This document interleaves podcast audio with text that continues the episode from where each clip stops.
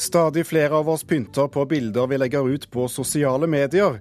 En ukultur som kommer fra motemagasinene, mener forfatter av ny bok om bilderetusjering. Ny Twitter-trend lokker med å avsløre nettavisenes klikkjournalistikk. Hør hvordan litt senere i Kulturnytt. Og Kaptein Sabeltann fyller 25 år. Skaperen Terje Formoe vurderer å skrive bok om hemmeligheten bak suksessen. Dette er Kulturnytt i Nyhetsmorgen med Thomas Alverstein Ove. Seks av ti nordmenn retusjerer og pynter på bilder av seg selv før de postes på sosiale medier. Og apper som gir finere hud og hvitere smil på bildene, ligger på nedlastingstoppen. Synd hvis folk skammer seg over utseendet sitt, sier forfatter av en kommende bok om bilderetusjering. Vi gjør det jo fordi vi er menneskelige. Alle har lyst til å være en bedre utgave av seg selv. Alle, alle, mennesker har problemer, alle har skavanker de skulle ønske ikke var der. Og når det er så tilgjengelig, å fjerne dem, så tror jeg veldig mange dessverre faller for fristelsen. Sier Oda Faremo Lindholm, journalist og nå forfatter av den kommende boka 'Bullshit-filteret', hvor hun er kritisk til bilderetusjering. Altså endring av bilder vi legger ut på sosiale medier. Altså, det er jo utrolig synd hvis folk går rundt og skammer seg og er lei seg fordi de ikke ser ut slik de tror de bør. En ny undersøkelse gjennomført av analysebyrået Yougov viser at seks av ti nordmenn retusjerer, altså endrer bildene av seg selv, før de postes på sosiale medier.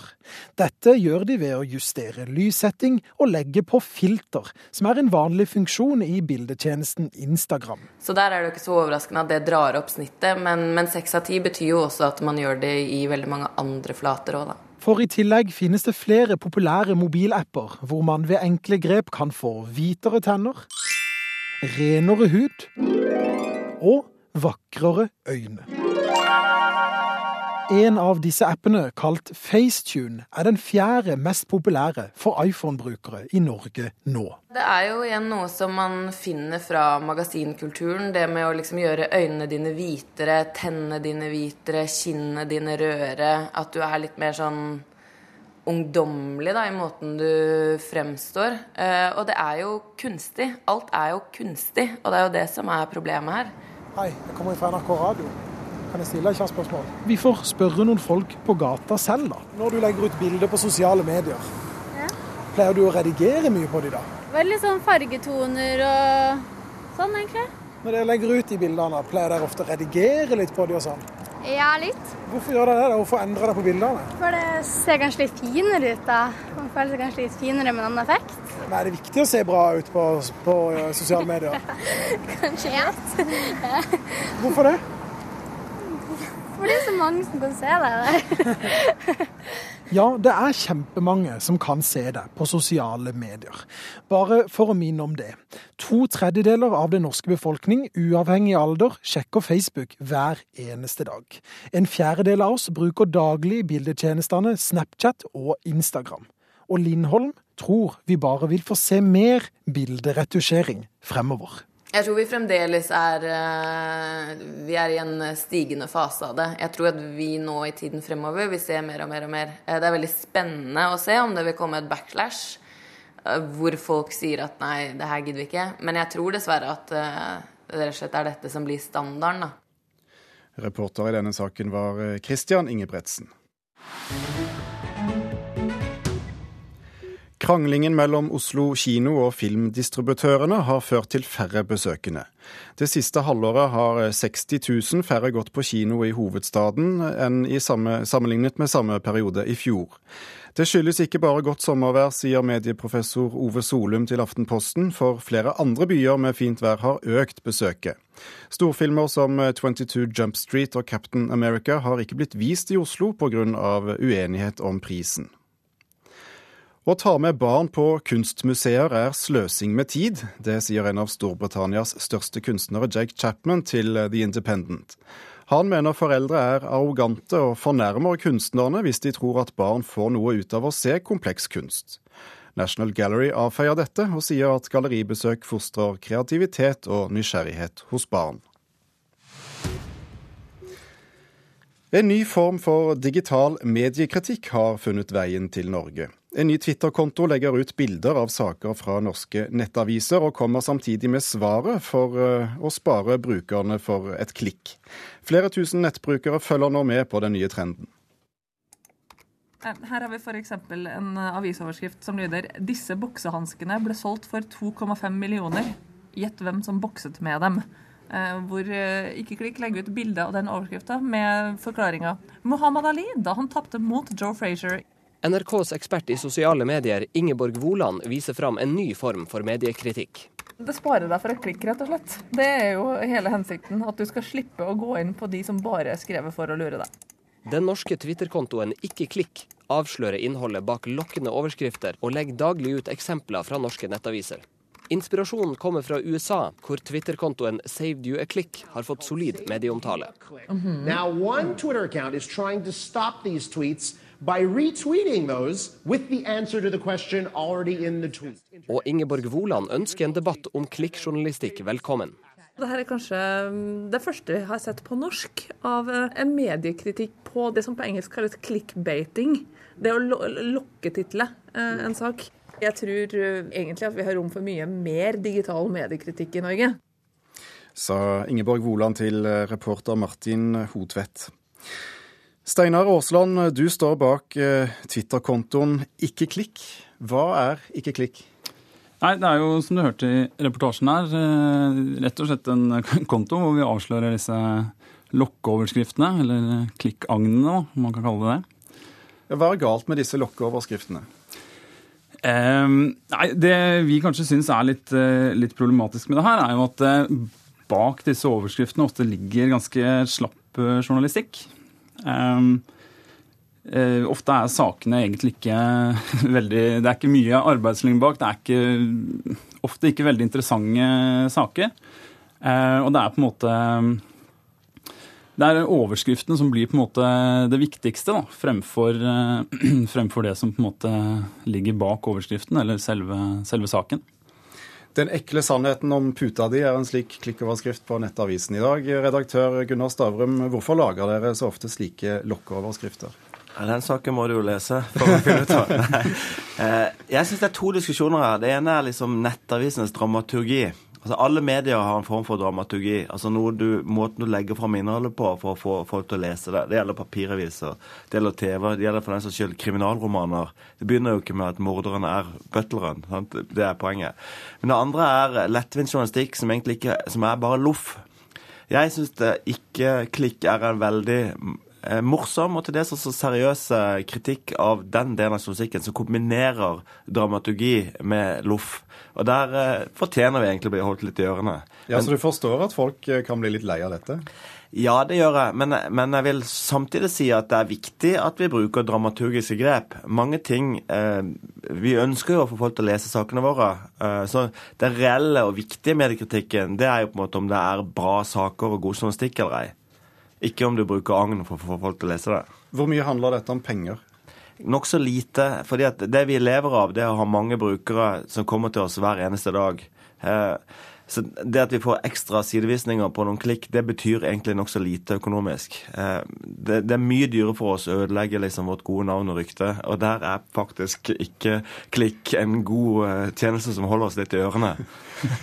Hva tror du skyldes et så stort engasjement som ikke Klikk åpenbart har vist? Jeg tror for det første at, eh, at dette fenomenet da, med lokkeoverskrifter er noe som, eh, som, mange egentlig irriterer seg mye over. Um, og det er klart at da Men vi klikker på dem? Ja, de, de, gjør vel det. Men jeg tror også mange Jeg har i hvert fall opplevd med ofte å liksom sitte igjen med, med, følelsen av å være litt sånn lurt da, etter å ha klikket på en sånn sak.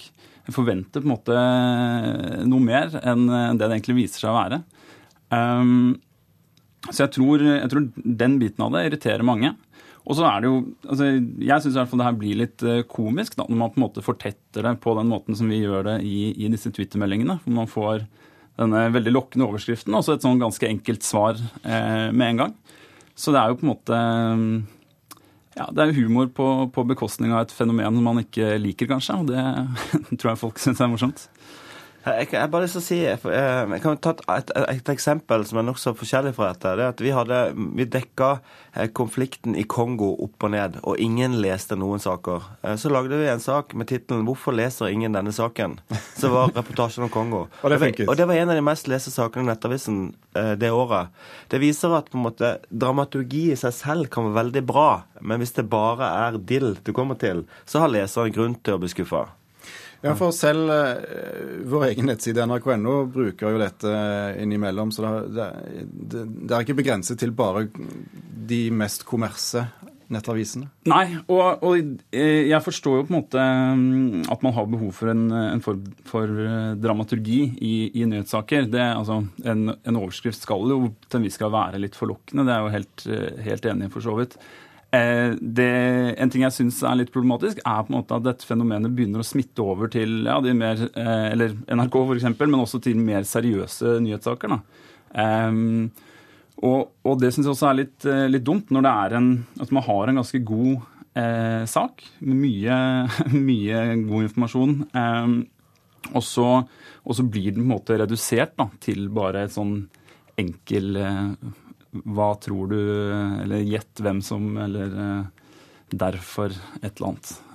Ødelegger en slik kampanje for eh, Nettavisen? Nei, det gjør han ikke. Um, jeg var nylig og besøkte BuzzFeed i USA, som kanskje har lansert eh, eller er sterkest på den trenden. Og de, de har én ting som bare er strengt forbudt i BuzzFeed, og det er å lage lokk lokkesaker. Altså, de, vil, de lager lokketitler for å få deg til å lese sakene, men hvis det er bare skuffer leseren kommer inn i, så er det noe av det verste du kan gjøre. Det syns jeg er på en måte en fin regel, eh, og jeg skal ikke late som om vi ikke vil synde mot den daglig, og der syns jeg ikke klikk er en bra ting. Hvor lenge vil du holde på med denne kampanjen? Nei, vi får se hvor, eh, hvor lang tid det tar før eh, Så lenge noen eh, skriver lokkeoverskrifter, så, så kan så vel vi fortsette. Så om Tusen takk skal dere ha for at dere kom til Kulturnytt på morgenkvisten. Steinar Aasland, mannen bak Twitter-kontoen Ikke klikk, og Gunnar Stavrum, redaktør i Nettavisen. Du hører på Nyhetsmorgen i NRK P2. Klokken er akkurat blitt kvart over åtte. Dette er overskriftene nå. Israel varsler at landet trekker ut alle sine bakkestyrker fra Gaza. Klokken sju startet det som etter planen skal bli en tre dager lang våpenhvile mellom Israel og Hamas. PST fikset eh, opphold for Taliban-topp i Norge, men nå er han utvist til Afghanistan fordi myndighetene mener han er en fare for norske interesser. Og en person er omkommet i den voldsomme skogbrannen i Sverige. Flammene har rasert store skogområder i Vestmannland i Midt-Sverige, og rundt 1000 mennesker er evakuert. Flere naboer til Tøyenparken øst i Oslo har sett seg nødt til å reise vekk før og under Øyafestivalen, som starter denne uken. De frykter rigging, høye lyder og musikk skal gjøre livet vanskelig når 16 000 mennesker inntar parken.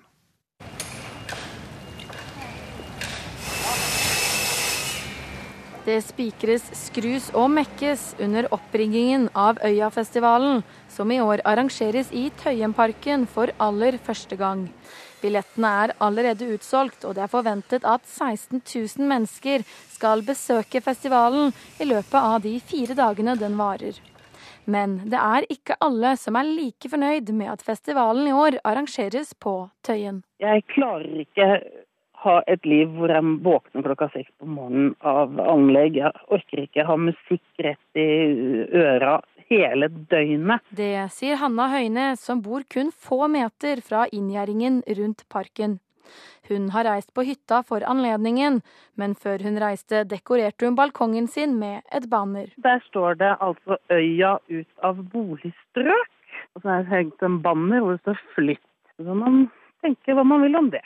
PR-ansvarlig i Øyafestivalen, Jonas Prangerød, sier han har forståelse for at naboer er bekymret for mye støy, men han sier de har vært nøye på å informere naboene i forkant av festivalen. Vi starta tidlig med å, å, legge ut informasjon på, på nettside og ta kontakt med mm, borettslagene rundt. Og så har vi i tillegg møtt opp på beboermøter, noen generalforsamlinger. Og så har vi eh, oppretta en egen nabokontakt for å gi folk en, en, mest mulig korrekt forventning av hvordan det skal bli. Både i forhold til eh, fremkommelighet og, og, hvor stort arrangementet er. Altså nå, nå kan vi ikke bo der. Jeg har flytta på hytta. Jeg bor oppe i skauen nå for å gjøre jobben min her. Og folk i mitt borettslag er jo desperate. De får ikke sove. Det er jo håpløst, faktisk. Men det er ikke alle naboer som er like frustrert over støyen. For på toppen av Tøyenbakken ligger det to blokker med utsikt over hele festivalområdet. Der bor Sigmund Strømme, som har sikret seg balkongplass til årets Øyafestival. Jeg syns det er helt fantastisk. Jeg er stor fan av musikk, og jeg liker festivaler. Så for meg er det helt perfekt. Leiligheten min er i tredje etasje, så jeg ser så å si hele festivalen, uten et par trær som står i veien. Hvordan eh, kommer det til å se ut på denne verandaen her eh, om noen dager? Hvis været er fint, så kommer det vel til å være veldig fullt der. Både her inne i leiligheten og ute på verandaen. Så kommer det vel til å bli grilla mye og kose seg med øl og vin og det de vil kose seg med her. Det sa nabo til eh, Øyafestivalen Sigmund Strømme. Reporter var Henriette Mort. Gjennom ild og vann ror vi alle mann. Men jeg som kommer først, heter kaptein Sabeltann. Hiv ohoi! Vi har en skatt å finne. Det er der vi lister oss inn. Hvordan får vi låst opp døra? Du og Rosa kler ut som et handelsreisende ektepar fra Tyskland. Ektepar? Vi er gift. Er det et problem for deg?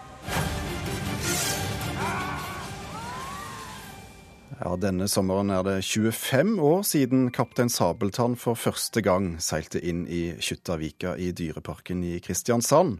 Godt over én million mennesker har sett forestillingene. I tillegg er det laget utallige bøker, filmer og TV-serier. Og til høsten kommer storfilmen 'Kaptein Sabeltann og skatten i Lama Rama', laget i beste Hollywood-tradisjon. Veien gjennom disse årene fremstår nærmest som en eneste lang gullbelagt gate. Terje Formoe, skaperen av Kaptein Sabeltann. Er du overrasket over at et stykke norsk eh, barnekultur som dette har nådd slike høyder? Det er jo ikke noe jeg dveler ved så, sånn til daglig, men eh, vi har jo holdt på i 25 år å bygge, bygge på dette universet. Vi har lagt sten på sten, så det har gått gradvis. Men jeg har jo i mange, mange år hatt et mål om å prøve å komme utenfor eh, landets grenser med kapteinen. Og så Sånn sett så føler jeg at jeg når et mål som, eh, som jeg har sett for meg en god stund. Og målet med, med høstens film det er eh, rett og slett at uh, Sabeltann skal oppdage nye kyster? Ja, målet er først og fremst å lage en god film. Så en god film, det er det første. Og en, en, helt ny historie som kommer ut til vårt trofaste norske publikum, det er det aller, aller viktigste. Og så er det selvfølgelig både morsomt og spennende at så mange land har vist interesse for filmen på forhånd. Det gir jo inspirasjon, og det får en eh, stakkars liten opphavsmann til å begynne å drømme om å selge filmen til 100 land ca. du, hvor nøye planlagt er denne enorme suksessen? Det har vært eh, planlagt. Altså, den gangen da jeg begynte å skrive den første lille naive historien, som jeg pleier å si, så hadde jeg en sånn voldsom entusiasme rundt prosjektet, og jeg hadde en stor tro på at dette er et prosjekt som jeg skal jobbe med i mange år, og som skal slå an. Så jeg var vel så freidig at jeg kalte det første manuset for et gullegg da jeg gikk til plateselskapet mitt. Men, eh, og så lagde jeg en treårsplan for hvordan jeg skulle gjøre kapteinen kjent i hele Norge. Men helt siden 96-97 så har jeg også hatt et, et eh, mål til, og det er å få land, kapteinen ut Eh, til alle de syv hav. Eh, få den ut til andre land også. Vil du si det er eh, noe budskap i historiene dine utover at de er knakende gode rent underholdningsmessig? Ja, altså For meg så Ja, det er det. Men for meg så er det jo i og for seg, bare for å ha sagt det, eh, edelt nok å underholde alle generasjoner. Det er en kjepphest for meg å kunne samle barn sammen med besteforeldre og foreldre og eldre søsken osv. At alle generasjoner, 2600 hver kveld omtrent i sommer, eh, sitter der, det er noe av det som driver meg veldig. Men det er klart at det, til å begynne med så fikk jeg my veldig mye motstand på kapteinens personlighet. og han er jo en eh, mystisk person. Eh, relativt endimensjonal på den måten at han eh, har en stor verdi i livet, og det er gull. Han har også andre sider som antydes, men det er veldig viktig for meg at kapteinen beholder mystikken sin. Mystikken er bygd på alt det man ikke vet. Derfor har jeg aldri latt kapteinen bli intervjuet en eneste gang gjennom 25 år.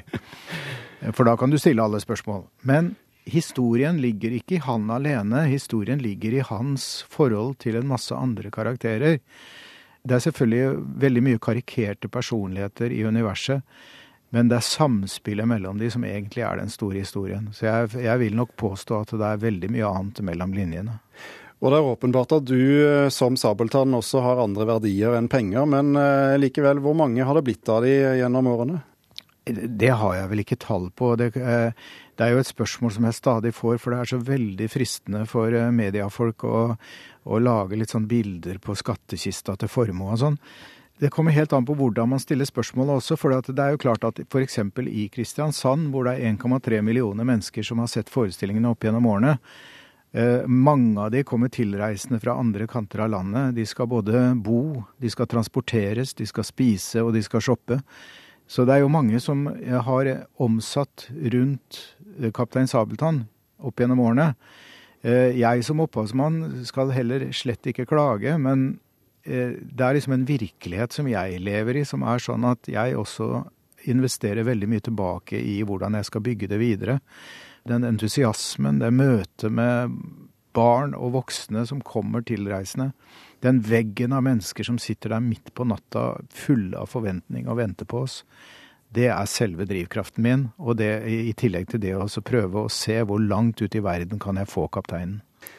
Terje Formoe, hva tror du er hemmeligheten bak suksessen? Jeg har en bok oppi hodet som jeg håper jeg skal kunne få skrevet ned en gang. Og der er det veldig mye rundt det, for det er ikke noe enkelt svar. Eh, men hvis jeg skal gjøre det veldig veldig enkelt, så tror jeg vel at jeg husker veldig mye av min egen barndom. Og jeg tror at de tingene som fenget meg, der er det noe tidløst. Det går på spenning, det går på humor, det går på eksotiske historier og miljøer, mange rare figurer. Og så går det selvfølgelig på musikk. Eh, popmusikk, eh, det er på en måte vår tids folkemusikk. Og det treffer i våre dager både voksne og barn. Så det er veldig mange elementer sammen. Terje Formoe, tusen takk for at du var med oss i eh, Kulturnytt, og lykke til videre med Sabeltann i årene som kommer. Takk for det.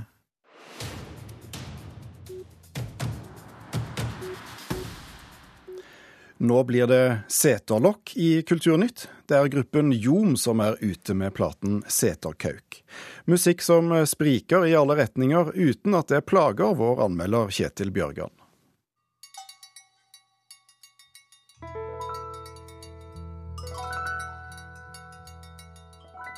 Snåsa har definitivt mer å by på enn en synsk helbrede med varme hender. Tradisjonelt var det mye jordbruk, skogbruk, reindrift, skog og fjell og mye annet, og bra folk der omtrent midt i Norge. I NRKs eh, folkemusikkarkiver finnes også opptak av musikken. Lillekauken kaller seg på snåsamål. Folk som kjente det setelivet i fjellene om somrene.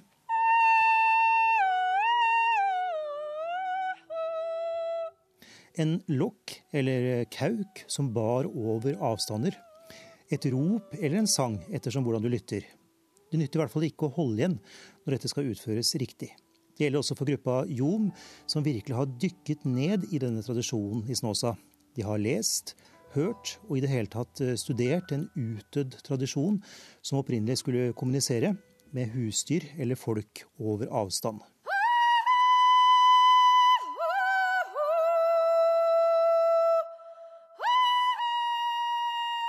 De har forstått det.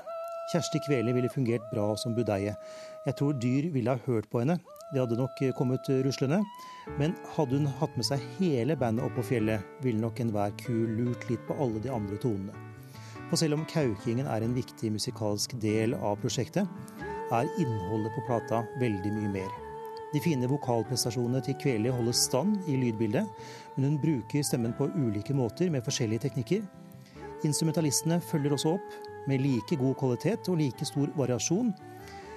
Med Sivert Skavlan, Anne Marte Eggen, Tor Morten Kjøsnes og Nils Andersson.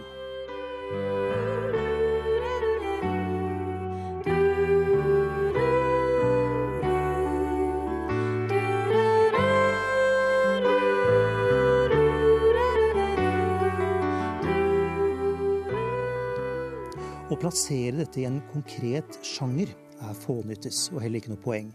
Likevel må jeg innrømme at jeg nikker gjenkjennende til de ulike inspirasjonene.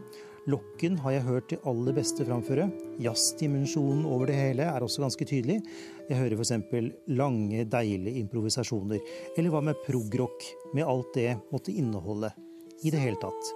Overgangene er brutale, og det spriker i og for seg i alle retninger, uten at det forstyrrer meg et øyeblikk. Dessverre er det produsert litt vel sterilt med en kunstig dryppende klang som får kubjeller til å høres ut som en fjern drøm. Jeg hadde likt å høre dette her med en tørrere og røffere lyd. Men bevares. Setekauk er en flott plate, og Jom er en flott gruppe. Håper dette fortsetter, og at inspirasjonen bl.a. vil holde seg i Nord-Trøndelag.